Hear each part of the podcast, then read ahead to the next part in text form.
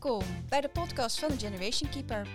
Ik ben Annemarijn en ik zit hier met mijn collega's Femke. En Ilse? En in deze podcast hebben we het over tegenstrijdigheden in de zorg. Elke aflevering behandelen we een bepaald thema en bespreken we een tegenstrijdigheid. Leuk dat je luistert. Daar zitten we weer. Hey, goedemorgen. Goedemorgen. Hallo. En vandaag gaan we het hebben over het thema leefplezier. En leefplezier, dat is een woord en een term die wij heel veel gebruiken in onze trainingen en eigenlijk in alles wat we doen. Maar we zeggen daarbij ook altijd gelijk, het is een heel groot woord.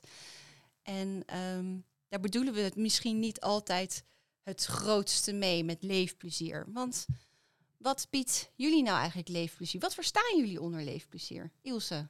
Ja, dat klinkt misschien een beetje afgezaagd, maar dingen die plezier toevoegen aan mijn leven. en dat, uh, maar dat uh, zeg jij wel heel mooi. Dat hoeven niet altijd hele grote dingen te zijn. Ik word namelijk heel gelukkig als ik de tijd en ruimte vind in mijn week om uh, naast mijn werk en het zorgen voor de kinderen en het vrouw zijn, um, lekker te kunnen wandelen in de natuur. Te kunnen genieten van de libelles, de juffers, noem maar wat, wat ik uh, allemaal voorbij zie vliegen. Paddenstoelen. Paddenstoelen, ja, ik durf het niet te noemen, ook de paddenstoelen. Of gewoon lekker met mijn voeten uh, in het zeewater kan staan. Daar word ik echt heel blij van. Dus dat, zo simpel kan voor mij leefplezier zijn. Want als ik dat meemaak, dan uh, kan ik er echt wel weer lekker tegenaan. En was dat altijd zo?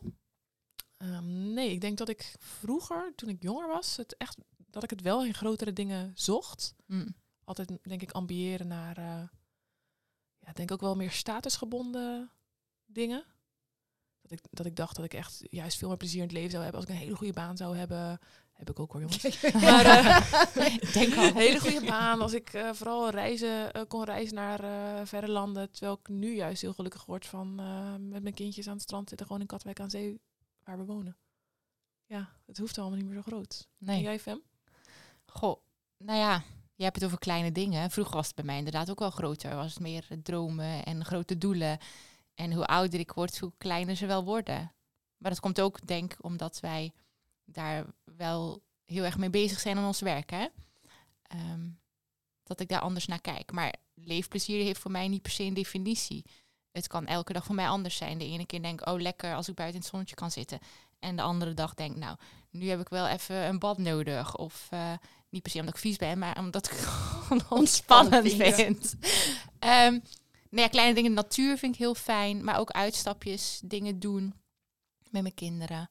Um, ook met mijn man vind ik het uh, fijn om tijd door te brengen. Zo zal die fijn vinden om dit te horen. Ja. um, nou ja, ik kan niet zozeer grote dingen benoemen eigenlijk. Van de week zat ik in mijn tuin en uh, nou, was ik een koffietje aan het drinken in de zon. Nou ja, dan was mijn dag al gemaakt. Ja. Maar ook s ochtends kunnen besluiten vandaag, nou, dit wordt een goede dag. He, dus voor mij heeft het ook wel iets met mindset te maken. Um, geen plannen. Helpt me ook. Helpt het hebben ook, ja. van leefplezier. Ja. En jij dan, An? En nou ja, ik, ik denk ook vooral, hè, wat wij ook eigenlijk altijd aankaart, is dat leefplezier um, kan in hele kleine dingen zitten, maar het verandert ook. En zeker ook naarmate je ouder wordt. Waar ik vroeger leefplezier uithaalde toen ik hè, 16 was. Dat was heel anders dan waar ik nu leefplezier uithaal. Vertel. Dus, nou, lekker zwaaiend in de lampen aan de kroeg. Nee. Op de tafel. Op de tafels dansen totdat het uh, daglicht werd. Ja, dat gaat nu niet meer gebeuren. Nu sta ik K3 te dansen met mijn dochter. Maar zou je het nog willen? Aan die lampen hangend? Nee, nee, nee. nee, omdat niet niet dat kan. mij dat nog leefplezier gaat bieden. Want dat is ook zo, hè? Omdat het niet kan, betekent niet dat je het niet zou willen. Nee, dat is waar. Nee, maar ik denk nu, ik vind dansen super leuk en dat brengt me zeker leefplezier. Maar ik hoef niet meer tot ochtends vier uur in. Uh, nee, en het verandert ook echt, hè, wat ja. je zegt. Vroeger, weet je, als ik dan kijk naar vroeger, was een goede baan, hè, wat jij zegt, Ilse, en uh, veel geld verdienen. En dat waren echt mijn doelen. En daar dacht ik leefplezier uit te halen. Uh, maar ook in gezien worden, ergens de beste in zijn. Um, hè, ik weet nog dat ik toen in de crisiszorg werkte en dat ik het heel erg cool vond. Um, als wij er konden voor zorgen met ons team dat een crisissituatie uiteindelijk geen crisissituatie meer was. Maar wij werden dan gezien en gehoord. En dat gaf me leefplezier dat iemand anders zei van... hey, wat hebben jullie dat fantastisch gedaan zeg. Maar nu, hoe meer ik over nadenk en hoe meer ik erbij stilsta... is die status helemaal niet meer zo belangrijk. Sterker nog, het kan me bijna niet meer schelen wat de anderen van me vinden. Ik blijf gewoon steeds vaker bij mezelf. En dat is een keuze en dat geeft me leefplezier. Ja, en dat zeggen wij ook in onze trainingen. Hè. Dat, we hebben het daar over bronnen van leefplezier. Wat zijn nou bronnen van leefplezier? Ook zeker voor mensen die ouder worden. En ook precies wat jij zegt. Je ziet dat die status steeds minder belangrijk wordt. Daar hechten mensen eigenlijk geen waarde meer aan. Het gaat nog veel meer over de dierbare mensen om zich heen. Uh, met wie ze zich verbonden kunnen voelen. Hè. Er, voelen dat ze er nog toe doen in de Ja. maatschappij of in hun directe omgeving. Dat is nog wat hun leefplezier geeft. En echt niet meer die Nee. auto of ehm, dat ze advocaat waren en weet ik veel wat. Dat doet er dan eigenlijk niet Nee. toe. Ik kan me dat heel goed indenken. Als ik dadelijk 80 ben, nou maakt het me ook niet meer uit of ik eh, een leuke podcast heb opgenomen bij wijze van nee, wat er nog toe doet, is dat het nog van belang is voor anderen dat ik er ben. En dat mensen blij zijn, oprecht blij, dat ik er nog ben. En dat ze me zien zoals ik wil gezien worden.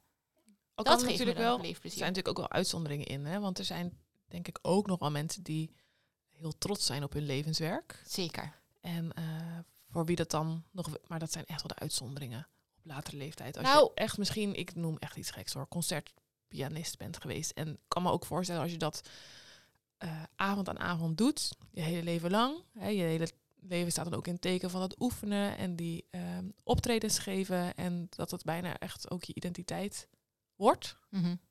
Maar heb je ooit dat filmpje gezien van die ehm, ballerina van dat Zwanenmeer? Ja. Daar moet ik heel erg aan denken Ja. nu. Dat was een vrouw, ehm dement, fase 3 gok ik. Echt helemaal niet meer ehm, echt aanwezig. Moeilijk om contact te maken. En op het moment dat die begeleiders die muziek opzetten op een koptelefoon, beleeft ze alles opnieuw door die muziek. En als jij ziet hoeveel leefplezier dat die mevrouw geeft, Ja. gaat ze letterlijk meebewegen, meedansen op die muziek. Gaat ze echt, je ziet ze echt opleven, letterlijk. Ehm, en dat ja, het is zo'n mooi voorbeeld van wat leefplezier kan zijn. Want zij gaat dan terug in die tijd naar dat moment dat zij inderdaad die ballerina was. Hè? Dus status of ehm, nou ja, hoe jij gezien werd toen, kan daadwerkelijk nog wel leefplezier geven. Hè? Ja, maar dat is niet zozeer status, want dan is het een passie. Ja. Dan is het denk ik veel meer ook met zo'n concertpianist. Dat is iets ehm, wat denk ik ook echt oprecht in zijn DNA is gaan zitten. Ja. En dat is ook nog iets wat je daadwerkelijk kan doen. Dat is ook, hè, kan je ook meer zien als een passie of een hobby. Of Ja. iets wat nog in die zier, wa- wat iemand dus ook echt nog kan doen. Of eh, naar kan ja, status, luisteren, status kan of- passie zijn. Ja, Ja. zeker. Ja. Ik denk, zou het niet meer gaan, net zoals met die vrouw, die ballerina, of dat je nou concertpianist bent, dat het, eh, omdat het zo verweven is eigenlijk in je DNA, in wie je bent, dat het echt meer gaat om je gezien voelen? ja, tuurlijk. Dat is in de kern wat we Eh, ja, allemaal dus nodig hebben. Uiteindelijk, ja, heeft het, door wie wil je je gezien voelen? Door de mensen die je het meest eh, dierbaar hebt, toch? Mhm. Dus ja, past het dan bij status? Is eigenlijk misschien wel een goede vraag. Of gaat het er juist om dat je je gezien voelt door de mensen om je heen die jou erkennen om wie je bent? Ja. En uiteindelijk maakt het niet uit Zeg hè, of iets eh, wel of niet bij jouw identiteit past. Nou ja, en daar, daar kom je denk ik ook wel weer tot de kern. Dan is er dus, ehm, je moet dus achterhalen wat iemand dus leefplezier biedt. Ja, en hoe iemand wil gezien worden ook Ja, daarin. ja. Ik moet dan denken aan dat voorbeeld van die ene man. En die man die vertelde altijd dat hij pianist was geweest. Er was een beroemde pianist geweest. En elke ochtend kwamen wij daar binnen om die man te helpen. Was helemaal geen pianist geweest. Echt niet. Nog nooit van zijn leven. Maar die man, die wilde zo gezien worden. Dus wat deden wij? Wij zagen die man als die bekende pianist. Nou, die man, die zijn levensgeluk, dat kon niet op. Nee. Want wij hadden het over welk ehm, eh, partituur die nou had geschreven of eh, ehm, welke piano hij vandaag zou gebruiken en welke melodie die in zijn hoofd gehad, had. Ehm, dat maakte niet uit. Hij wilde zo gezien worden en door dat als waarheid te zien, als zijn waarheid, konden wij inspelen op dat leefplezier van die meneer. Wij gaven hem oprecht een glimlach en die twinkeling in zijn ogen door mee te gaan in hoe hij of ja, hij wilde gezien worden. Maar dat ehm, meegaan, dat heeft voor hem alleen maar waarde voor mensen die hij dicht om zich heen heeft. Zeker. Want het zal hem denk ik niet zoveel uitmaken of iemand die die bij de bakker ziet zal geloven of hij wel of geen pianist is geweest. Dus dan kom je toch weer bij die belangrijke anderen Ja. en die Ja. liefdevolle relaties uit. Misschien is dat wel het grootste domein waar dat leefplezier in zit. Dat is ook wat denk ik wat wij wel ervaren nu in al ons werk en alles wat we tegen zijn. Ja. Want als het puntje bij paaltje komt, is dat het belangrijkste. Maar leefplezier is denk ik ook wel. ehm, kijk, hè, in, in de ideale wereld wil je bij iedereen zoveel mogelijk leefplezier toe kunnen voegen. Maar ik kan me ook wel indenken dat het iets heel moeilijks is. Dat ook niet altijd alles eh, zonder risico's verloopt. Ik bedoel, stel je woont als ehm, oudere dame met dementie in het verpleeghuis en je hebt nog hele wilde wensen en eh, dromen. Mhm. Kijk, ik, ik gun iedereen alles. Maar ik weet ook wel dat er protocollen en regels zijn die eh, er soms voor kunnen zorgen dat, ja, dat, nou ja, ve- eh, veiligheid versus vrijheid. Ja. Nou ja, en ik denk dat ehm, als je kijkt naar de Nederlandse verpleeghuizen, zeker de Nederlandse verpleeghuizen met afdelingen dementie. In Nederland gaan verpleeghuizen eigenlijk op slot. Mensen mogen de deur niet uit. En er was zo'n voorbeeld in ehm, Appingedam. Daar, hebben wij, eh, daar zijn wij ook geweest. En er was een man en die was heel erg onrustig, vergevorderd al in zijn dementie. En wat deden ze? Ze gaven hem kalmeringsmedicijnen. En hij zat eigenlijk als een zombie in een stoel. Nou, dat vond de belangrijke andere de familie gewoon geen optie.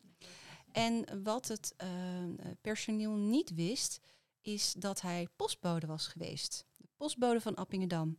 En hij was altijd aan die deuren aan het rammelen, omdat hij eruit wilde.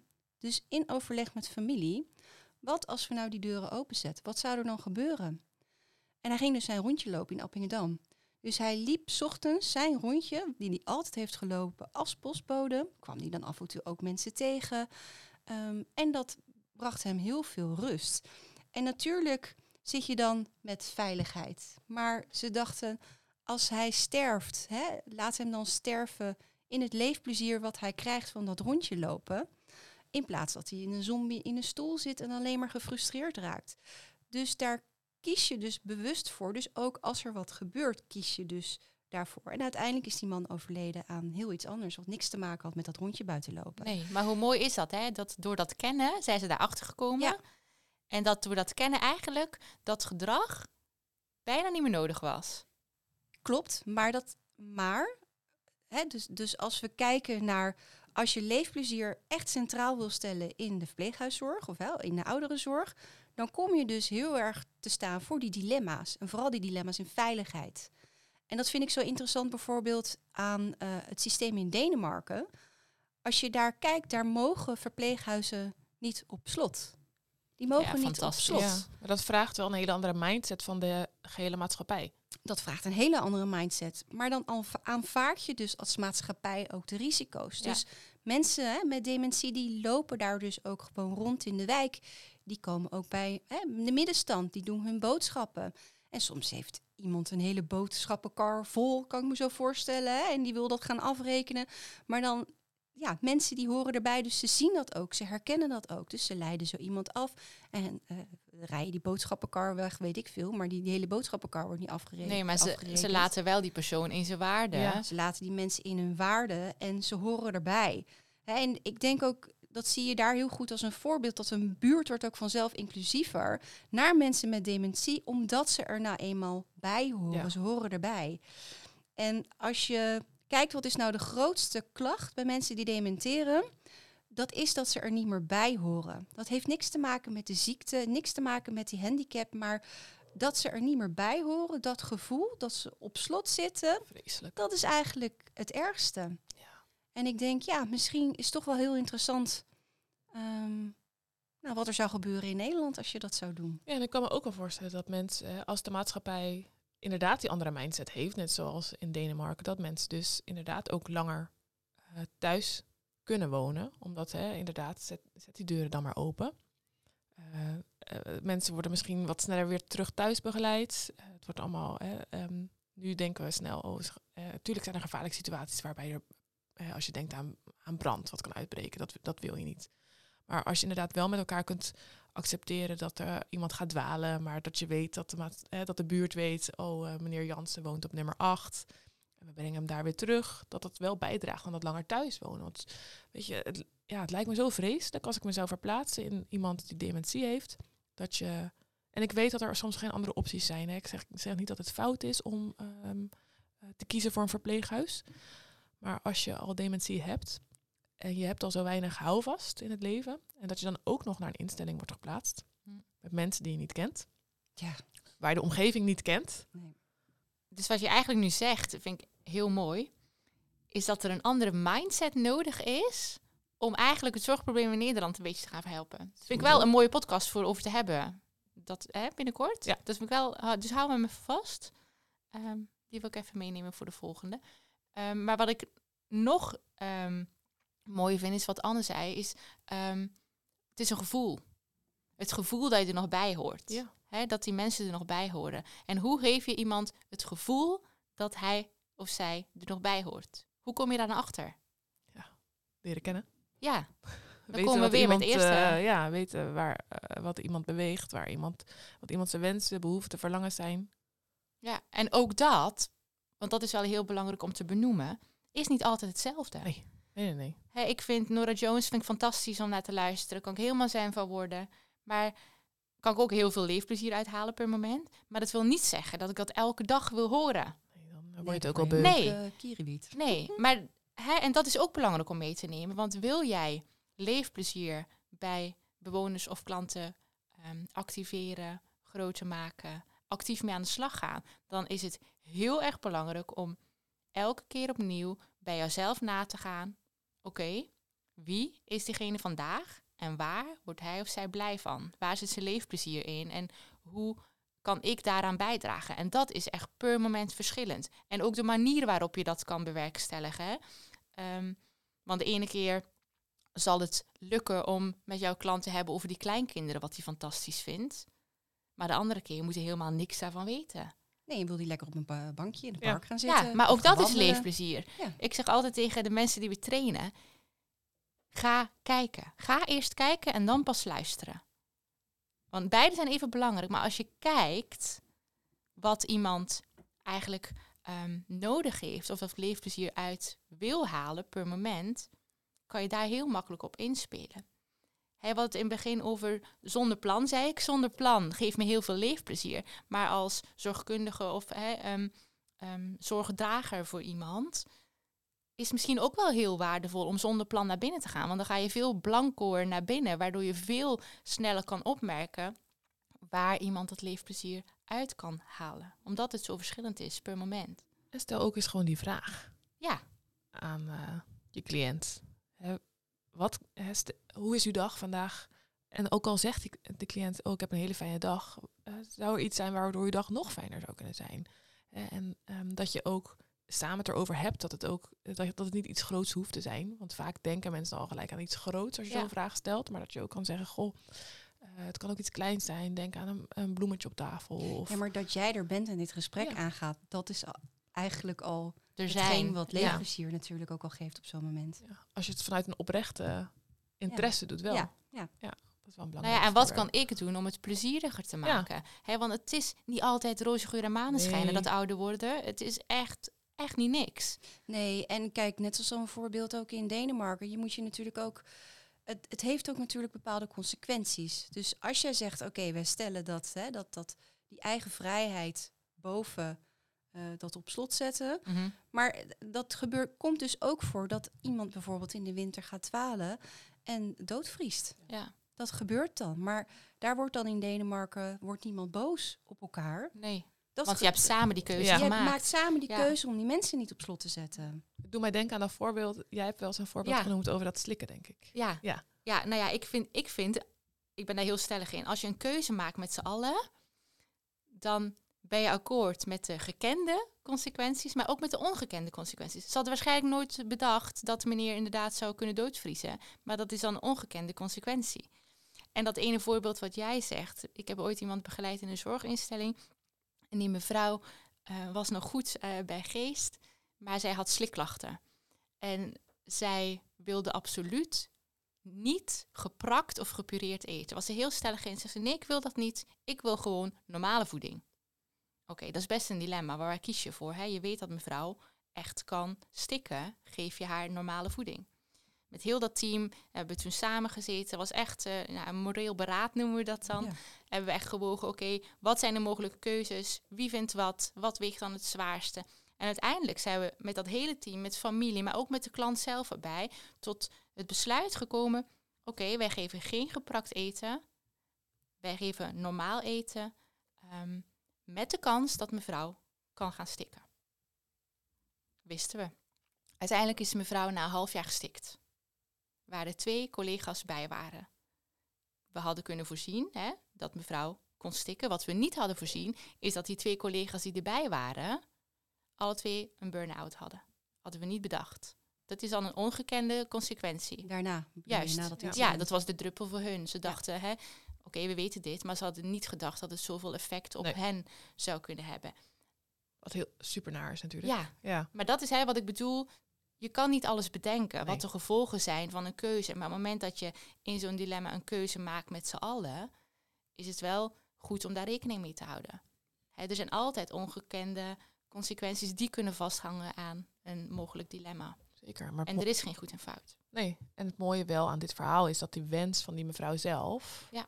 Wel ingewilligd is. Ze heeft wel een half jaar van, Ja, die Haar- het zwaarste. ja, ja. van haar ongeprak, ongeprakte, ongepureerde eten kunnen genieten. Ja, maar ik, voel- ik zou het ook niet willen hoor. Een of andere bruine smurrie die je dan moet opeten en je hebt geen idee wat je aan het eten bent. Nou, nee, laat maar. Ik zou misschien wel net als die mevrouw. Maar waar we eigenlijk naartoe willen, hè, want we zijn nu een beetje afgedwaald, dat dat leefplezier, dat hè, klinkt makkelijk om dat daarvoor te kiezen op elk moment, maar dat is het niet. Want elk moment kom jij dilemma's tegen ehm, die te maken hebben met vrijheid of veiligheid. En waar kies je dan voor? En dat is best nou ja, het kan soms ingewikkeld zijn. Nou, ik denk dat het belangrijkste is, als je het hebt over dat kiezen, is dat je ehm, oprecht ziet dat er keuzes zijn. Ja. Dat je niet altijd voor die veiligheid hoeft te kiezen. Want ik denk, ehm, ja, waar, waarom is er lange tijd vaak juist voor die, voor die veiligheid gekozen? Nou, iedereen heeft zijn eigen ijsberg. Iedereen heeft zijn eigen ijsberg, maar ik denk ook wel vanuit eh, een stukje angst misschien. Hè? Van, hè, stel je voor dat dit of dat gaat Ja, gebeuren. niet op mijn dienst, hoor je Ja. dan ook vaak. Hè? Ja. De deuren openzetten. Ja, maar dat ga ik niet doen. nee, niet in mijn als, Ik vind het een goed idee, dienst, ja, maar niet in eh, mijn dienst. En je ziet ook dat dat dan in de praktijk ook wel gebeurt. Ja. Dat er tijdens die dienst, hè, dat die die deur dan niet openzet. Maar ook maar. daar speelt het leefplezier. Wat is leefplezier voor degene die die keuze hè, zo heeft, een rol in? Want iedereen heeft zijn eigen ehm, beweegredenen onder die ijsberg. Hè? Eh, eigen waarden, normen, eigen ehm, overtuigingen, aannames, eh, hoe jij bent opgevoed, Zeker. cultuur speelt een rol.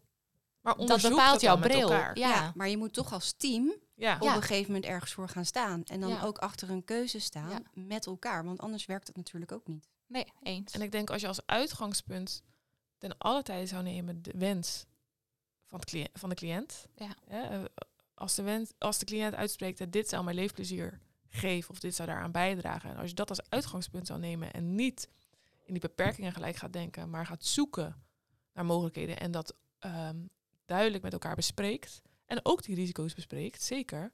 Maar ehm, niet gelijk in die veiligheid schieten. En niet gelijk denken, oh Nee, dat kan niet. Het kan niet. Nee, er, En er zijn al- alternatieven kijken. Ja, en we zijn al een eind gekomen, hè? Want ik bedoel, als je, eh, ik weet nog dat ik in het verpleeghuis kwam werken, hadden we nog plankstoelen. Er zaten letterlijk mensen gewoon, die konden niet eens van de stoel afkomen. En hadden we nog Zweedse banden. Dat mensen, ja, ja, vastzaten. Ja, Ja. verschrikkelijk. Bizar, hè? dus hè, dan is achter een gesloten deur leven, maar wel in vrijheid daar nog rond kunnen lopen, is, Is al een verbetering. Ja.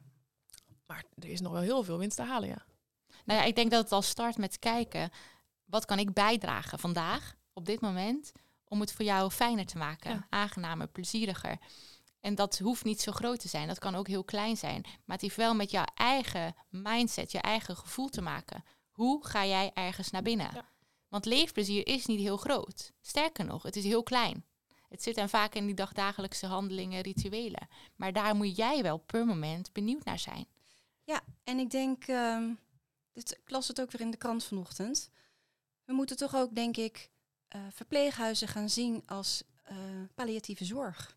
Ja. En wat is daarin nou belangrijk? Ja, nou inderdaad. Maar goed, dat is nog een thema voor een podcast eh, die Oh. nog zeker aan de orde We komt. kunnen nog wel vijf seizoenen vullen zo. Ah, zeker. Mooi. Wil iemand hier nog iets over kwijt? Over het thema leefplezier? Nou, misschien is het wel goed om even, wat hebben we besproken? We hebben best veel toegelicht vandaag. Ik denk, wat ik heel fijn zou vinden, is dat mensen eh, over deze podcast meenemen ehm, leefplezier ver- versus veiligheid. Dus maak, kijk, eh, als je leefplezier centraal stelt, dan kom je voor dilemma's te staan. En probeer in die dilemma's ehm, echt na te denken over die wensen van de klant. Versus eerst je, eh, de veiligheid bijvoorbeeld van de instelling of van alle regels en protocollen. En ik denk dat het heel belangrijk is dat ze begrijpen dat ehm, de grootste bron van leefplezier de belangrijke anderen zijn in het leven. En om daar nog mooie momenten mee te beleven. Dat kan jij ook zijn als zorggever, Ja, het start bij jezelf. maar ook ehm, uiteraard familie, vrienden en belangrijke anderen. Ja, mooie conclusie. En vergeet vooral niet klein te kijken. Klein kijken. Klein Want met welke focus ga jij binnen? Groot denken, klein kijken.